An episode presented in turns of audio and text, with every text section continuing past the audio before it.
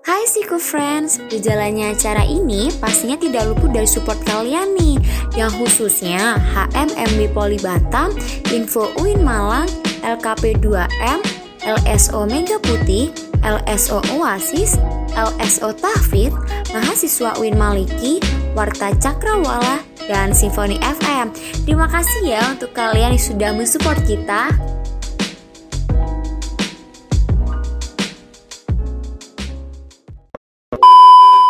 Assalamualaikum warahmatullahi wabarakatuh. Selamat sore dan selamat datang di Type C Talk About Psychology Yang di mana kita akan berbincang tentang psikologi secara santai namun berisi. Bersama Syarani Hasim dan pastinya saya tidak sendiri di sini Ditemani oleh dosen cantik di samping saya di hadapan saya dari Fakultas Psikologi Universitas Islam Negeri Maulana Malik Ibrahim Malang Yaitu Ibu Fuji Astuti Selamat sore Ibu Fuji. Halo, selamat sore. Masya Allah cantiknya sore hari ini nih. Oke. Makasih loh ya. Bagaimana kabarnya hari ini Bu? Alhamdulillah sehat. Ya sehat. Udah mulai disibukkan sama teman-teman yang ingin praktikum ge. Iya betul Oke. betul. Oke teman Psycho Friends, di sini kita akan membahas tentang pesona dan shadow yang di mana akan mengenal diri asli dan diri palsu di masyarakat. What? Apa sih diri asli dan diri palsu itu? So kalian tetap dengerin podcast kita karena pastinya akan lebih seru lagi nih. Jadi di sini udah banyak banget fenomena-fenomena di luar sana yang ya kebanyakan khususnya para anak muda kali ini nih yang menutupi dirinya dengan topeng. Ah, apa sih topeng itu? Topeng. Apa emang topeng-topeng yang biasanya Batman kah, Superman kah, atau yang lain? Wah, ini perlu kita bahas lebih dalam lagi ya, pastinya bersama dengan Bu Fuji. Jadi fe- fenomena kali ini nih banyak banget dengan anak muda yang menutupi dirinya, yang di mana dia tidak percaya diri untuk siapa diri aslinya gitu. Nah Bu, dengan eh, fenomena kali ini nih saya kami ini penasaran banget, khususnya pasti psycho friend juga kan ya, penasaran dengan fenomena yang bagaimana anak muda kali ini tidak eh, menunjukkan aslinya, gengsi banget gitu loh Bu. Kayak menunjukkan ini loh aku. Itu gengsi banget. Dan mereka lebih menebalkan topengnya memakai topeng tersebut. Dengan cara menggunakan second account di sini tuh Bu. Dan bagaimana menurut Ibu tentang second second account ini? Yang kelihatan sekali nggak sih kayak yang dengan second eh, second account ini mereka lebih mudah untuk eh, menutupi dirinya. Begitu Ibu Oke, kalau misalnya kita berbicara tentang eh, second account, kemudian diri sebenarnya Ah. gitu ya, kemudian diri yang ditampilkan, ya eh, semua orang saya rasa mengalaminya. Gitu ya. Bahkan eh, kondisi seperti ini nih sudah ada sejak kecil. Kenapa begitu? Oke. Karena di dalam kehidupan sehari-hari itu ya teman-teman semuanya kita itu dituntut ya, dituntut untuk memiliki sikap tertentu.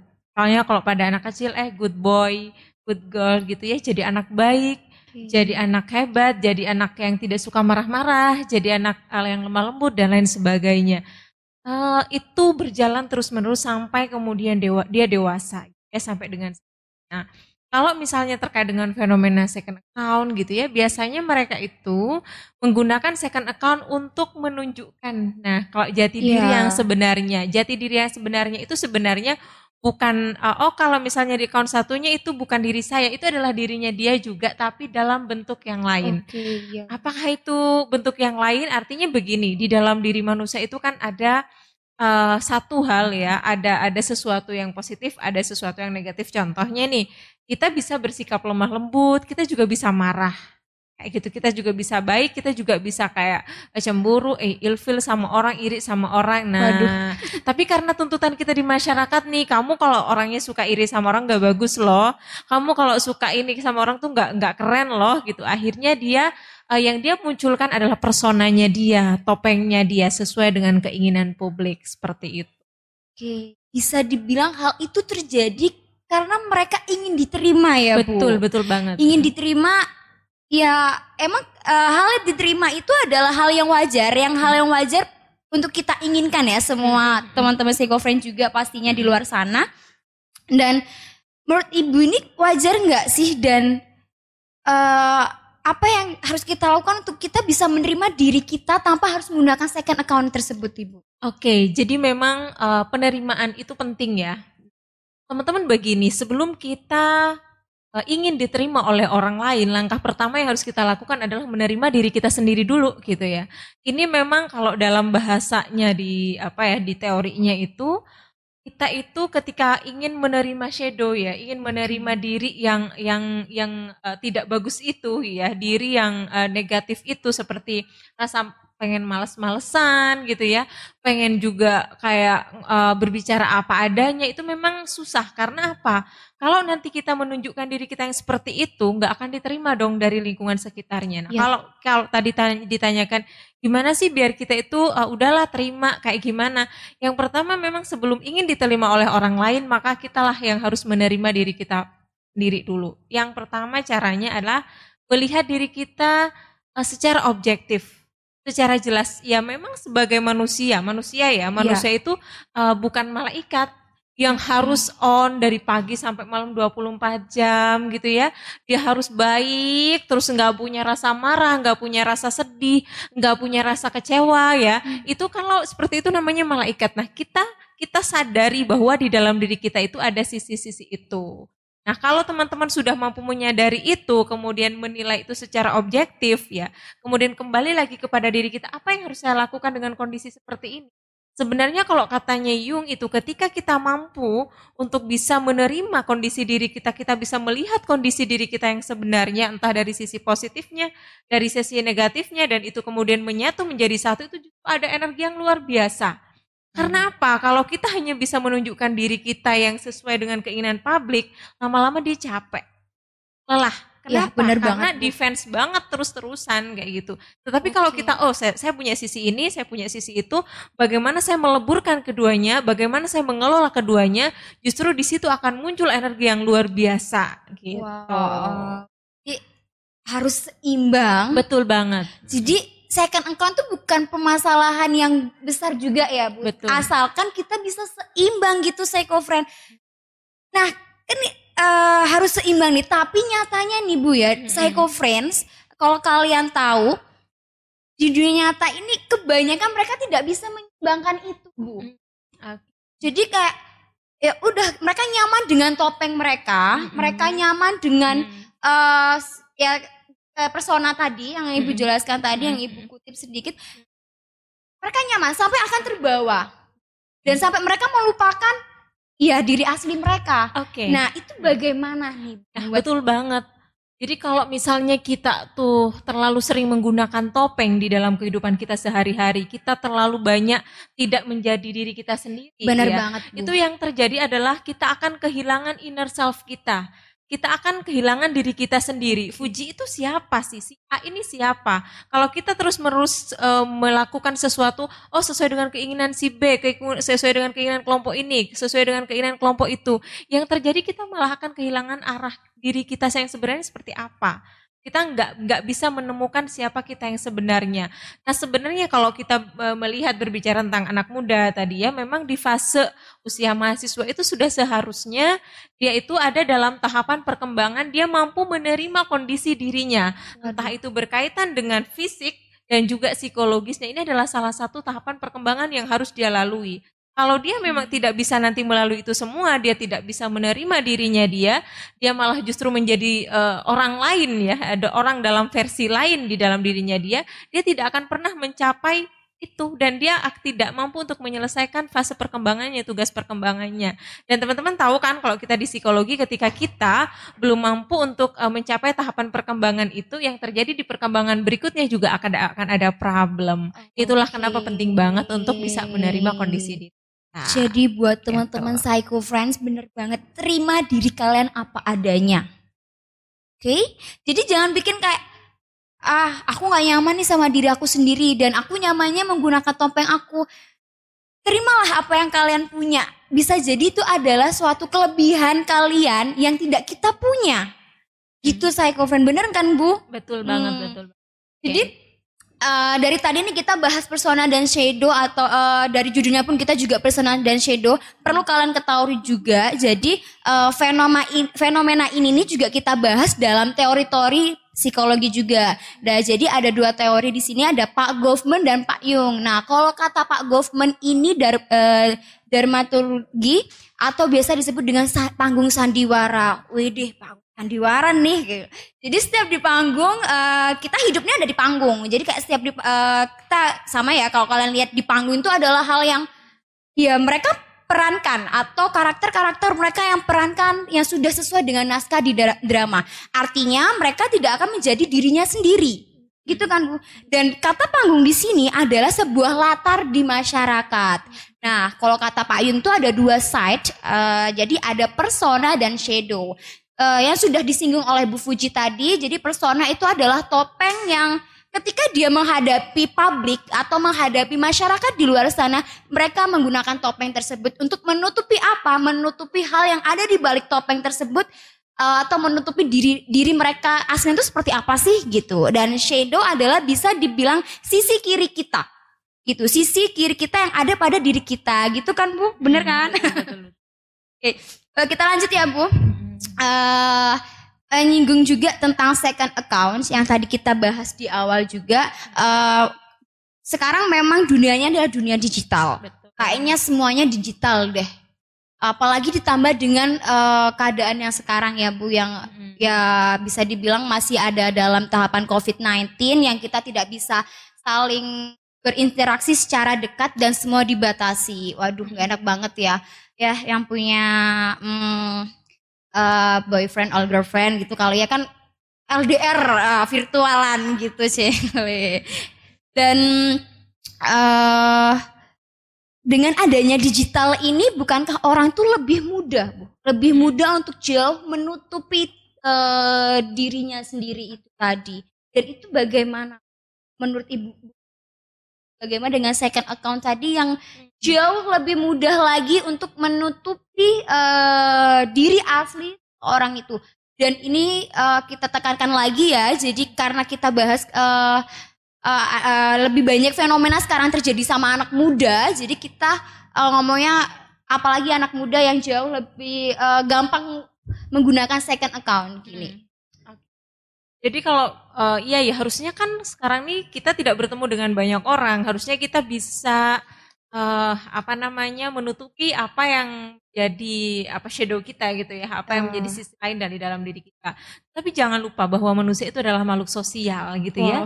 Mereka butuh untuk berinteraksi dengan dengan ya, sosialnya. Teman-teman mungkin tuh. paham ketika di awal-awal pandemi itu bagaimana orang itu merasa begitu seperti terisolasi hmm, gitu ya dan iya, itu Bu. kan memberikan dampak psikologis ada cemas ada stres di situ kemudian muncul karena apa mereka tidak bisa berinteraksi akhirnya muncullah kemudian ruang-ruang uh, media sosial dan lain okay. sebagainya itu gitu ya. Nah, jadi ada kebutuhan itu.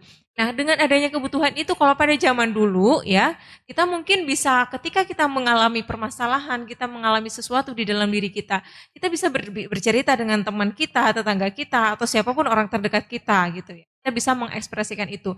Sekarang kondisinya berbeda banget, ya. Berbeda. Kita sekarang nih kita bisa banyak bareng-bareng bersama orang di sekitar kita tetapi kita saling pegang handphone. Iya. Ya, artinya kita tidak lagi terkonek seperti itu. Jadi untuk bisa mengekspresikan apa yang dia rasakan, apa yang dia pikirkan itu tidak bisa secara langsung. Maka media sosial adalah tempatnya. Tetapi ya di media sosial itu kan kita masih dinilai nih kita masih ada mutual friend dengan siapa yeah. gitu ya mungkin dengan dosennya dia ada hmm. mutual friend kemudian atau uh, dan lain sebagainya lah. Ada banyak orang-orang di situ yang dia anggap kalau dia mengekspresikan sisi gelapnya itu dia akan mendapatkan citra yang tidak buruk bagus itu. atau atau buruk gitu ya. Maka muncullah kemudian second account. Bukan hanya second account sih sebenarnya. Kalau kita posting insta story itu yeah. nah kan ada tuh yang ada, ada private oh, apa oh, nah close friend, close friend. nah kayak gitu. Oh, itu, itu juga itu, yang... itu itu juga fenomena ini banget gitu. Jadi oke okay, aku nggak punya second second account nih tapi ada pas ini ada close friend yang gitu. harus ditutupi tuh nah, wah kamu nggak boleh lihat itu. hanya dia yang bisa lihat nah, betul banget nah itu itu juga fenomena gitu dan tadi sempat menyinggung juga dengan close friends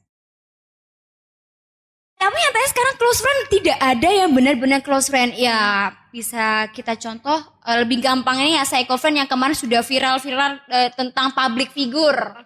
Uh, yang katanya sih close friend, tapi kok gitu kan gitu. Tapi kok eh malah ada di belakang, main di belakang. Nah bagaimana tuh? Kan kalau dikutik kembali ya berarti dia yang close friend ini, yang katanya dianggap close friend ini menggunakan topeng juga kan bu?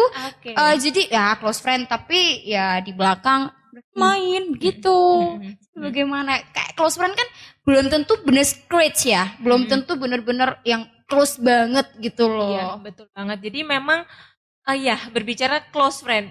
Ini, ini sebenarnya ada satu pembahasan yang cukup menarik sih. Wow, Jadi apa itu? Uh, sebenarnya kita juga harus tahu siapa orang yang dianggap friend itu Oh. gitu ya. Jadi dianggap teman itu seperti apa gitu ya. Pertemanan itu kan juga uh, ini kalau kita bahas uh, tentang uh, saya akan bahas temennya gitu ya. Yang dikatakan sebagai teman itu adalah orang yang mampu memberikan support, orang yang mampu untuk memberikan apa ya, apa ya, meng-hide diri kita yang ingin kita hide atau dia yang uh, memberikan kita itu uh, rasa bertumbuh atau misalnya lebih produktif dan lain sebagainya. Itu sebenarnya yang dikatakan friendnya sebenarnya. Nah, kalau ada yang uh, close friend tapi nggak close seperti itu ya uh, berarti memang di di pertemanan itu ada sesuatu yang yang kurang bagus gitu Oke. jadinya gitu. Oke begitu. Jadi bukan tentu close friend orang yang bener-bener close banget gitu sampai ya kalian bisa menjaga diri kita gitu, menjaga rahasia-rahasia kita. Belum tentu juga ya teman-teman. Kita juga harus selektif eh, mana yang benar-benar eh, bisa diajak untuk menjadi close friend kita dan benar-benar di, dia bisa menjaga eh, scratch-scratch yang ada pada diri kita dan ya istilahnya bisa menjaga harga diri kita lah di hadapan orang lain gitu. Dan apa sih dampak yang paling bisa kita terima Bu eh, ketika kita menggunakan topeng-topeng yang begitu tebal tadi? Ya, kalau eh, kita terlalu banyak menggunakan topeng, ya tadi seperti saya singgung di awal ya, kita akan kehilangan diri kita sendiri gitu ya. Kita akan kehilangan apa yang sebenarnya ada di dalam diri kita gitu ya. Apa itu yang akan hilang? Salah satunya adalah potensi.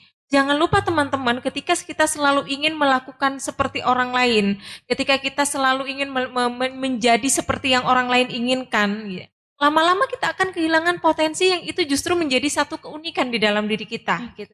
Jadi yang unik dalam diri kita itu akan hilang justru karena apa? Kita selalu berusaha untuk menjadi yang orang lain inginkan, menjadi seperti orang lain yang dalam pandangan masyarakat umum. Misalnya nih salah satunya adalah dalam pekerjaan atau dalam perkuliahan. Eh, di tetangga kita tuh ya kalau dia bekerja di bidang A itu adalah menjadi uh, sanjungan masyarakat. Kita sebenarnya potensinya tidak di A, kita potensinya di B. Tetapi agar kita bisa diterima oleh masyarakat itu, kita kemudian ke A lah. Kita akan kehilangan satu potensi kita di B itu tadi. Berarti nggak masalah dong kalau kita menjadi otentik, nggak masalah. Ya nggak, ya apakah saya juga serta merta tidak boleh menggunakan topeng? Boleh. Boleh menggunakan topeng ya, boleh asalkan sesuai dengan takarannya, sesuai dengan uh, kadarnya gitu ya. Karena yang berlebihan, kita misalnya oh pakai obat ya, pakai obat tertentu itu bisa sembuh. Tapi dalam dosis yang lebih tinggi bisa jadi itu justru meracuni kita. Begitu juga dengan penggunaan topeng ini. Kalau kita menggunakannya misalnya ketika saya menyapa orang tua, saya kemudian harus sumringah gitu ya, harus eh, apa namanya menggunakan bahasa yang halus gitu. Kalau kita menyapa teman kita, kita pakai bahasa santai, itu nggak masalah. Itu nggak masalah topeng yang seperti itu nggak masalah. Karena apa? Kadarnya eh, dosisnya itu sesuai dengan kebutuhan. Kalau ya sudah berlebihan, itu yang akan menjadi sesuatu yang akan justru menjadi bumerang kepada dirinya. Ya apa apa itu? Ya potensi, ya sesuatu yang unik di dalam dirinya dan lebih penting lagi kita tersiksa. Tidak nyaman tahu hidup Ya. tidak menjadi diri sendiri itu kita akan selalu diliputi oleh kecemasan-kecemasan. Kalau dalam psikologi kan orang yang selalu melakukan defense mechanism ya mekanisme pertahanan diri itu itu akan semakin menjadi eh, tidak nyaman, semakin cemas dalam menjalani hari-harinya begitu. Ya, jadi kembali lagi nih Psycho Friends, jadi harus wajar ya, sewajar dan imbang boleh menggunakan topeng, tapi kita harus mengimbangkan diri kita juga nih. Jadi karena kita nyaman menggunakan topeng, tidak eh, bukan lantas kita menggunakan topeng itu di mana pun, gitu. Dan eh, mungkin ini ya saya friend, kelemahan kalian uh, atau diri kalian yang tidak ingin kalian terima bisa jadi itu adalah kelebihan diri kalian gitu. Jadi jangan pernah uh, jangan kayak ah aku nggak suka dengan diri aku seperti ini yang terlalu begini terlalu begitu gitu. Jadi mungkin saja itu adalah potensi kalian, potensi kalian dan kelebihan kalian tidak akan pernah di, uh, orang lain punya gitu. Dan buat Bu Fuji apa pesan uh, buat mereka-mereka nih khususnya psycho friend yang sudah uh, terlanjur dalam dalam menggunakan topeng itu tersebut Bu. Oke, okay, uh, eh, untuk teman-teman semuanya mungkin ya kita ini adalah manusia, maka jadilah manusia gitu ya. Manusia itu punya kesalahan, dia punya kekurangan, dia punya kelemahan, dan dia punya keunikan. Setiap individu itu berbeda. Bahkan orang kembar pun berbeda. Jadi jangan takut untuk uh, ter, uh, untuk selalu atau tetap menjadi sesuatu yang berbeda di tengah masyarakat. Dan yang kedua, untuk teman-teman yang mungkin sekarang selalu menggunakan topeng dan selalu ingin terlihat baik, teman-teman itu bukan sesuatu yang baik ya yang yang kita lakukan di dalam diri kita karena semakin kita menebalkan topeng kita, semakin kita tidak menjadi diri kita akan semakin sakit dan hidup kita menjadi semakin tidak bermakna. Terima kasih. Ya Allah. Jadi itu tadi ya Psycho Friend, kita harus imbang dan terima kelemahan dan kekurangan kita bisa jadi adalah kelebihan uh, kekurangan dan kelemahan kita adalah kelebihan kita yang tidak uh, dipunya oleh orang lain. Dan uh, tetap jadi diri kalian uh, apa pun yang kalian rasakan bahkan uh, saat ini ketika merasakan kalian uh, mentalnya mungkin tidak lagi sehat atau butuh hal uh, butuh uh, teman Jangan pernah takut untuk datang ke psikiater atau psikolog. Jangan pernah takut dikatakan bahwa orang yang datang ke psikiater dan psikolog adalah orang gila. Itu tidak benar. Karena setiap orang pasti harus punya tempat buat mereka bercerita agar mereka tidak menggunakan topeng itu tadi yang begitu tebal gitu. Jadi uh, sepertinya kayaknya uh, saat ini psikolog dan psikiater sudah kalian gampang banget buat dijumpai, tidak hanya di rumah sakit harus mendatangi rumah sakit ya Bu. Mm-hmm. E, buktinya tadi e, di para e, di Pukesmas setiap Pukesmas desa pun sepertinya yang saya lihat juga udah mulai udah mulai ada psikolog di situ atau psikiater di situ dan itu tadi jangan pernah takut untuk datang ke psikolog dan psikiater dan jangan pernah takut untuk dibilang gila. Kalian tidak gila, cuman kalian butuh tempat untuk bercerita begitu. So see you next in uh, di episode selanjutnya uh, tetap pantengin podcast kita, dengerin podcast podcast kita yang pastinya dengan tema-tema yang lebih seru lagi tentang psikologi dan itu pasti relate banget deh buat kalian. So see you next time. Assalamualaikum warahmatullahi wabarakatuh. Bye bye. Audio Jungle. Audio Jungle.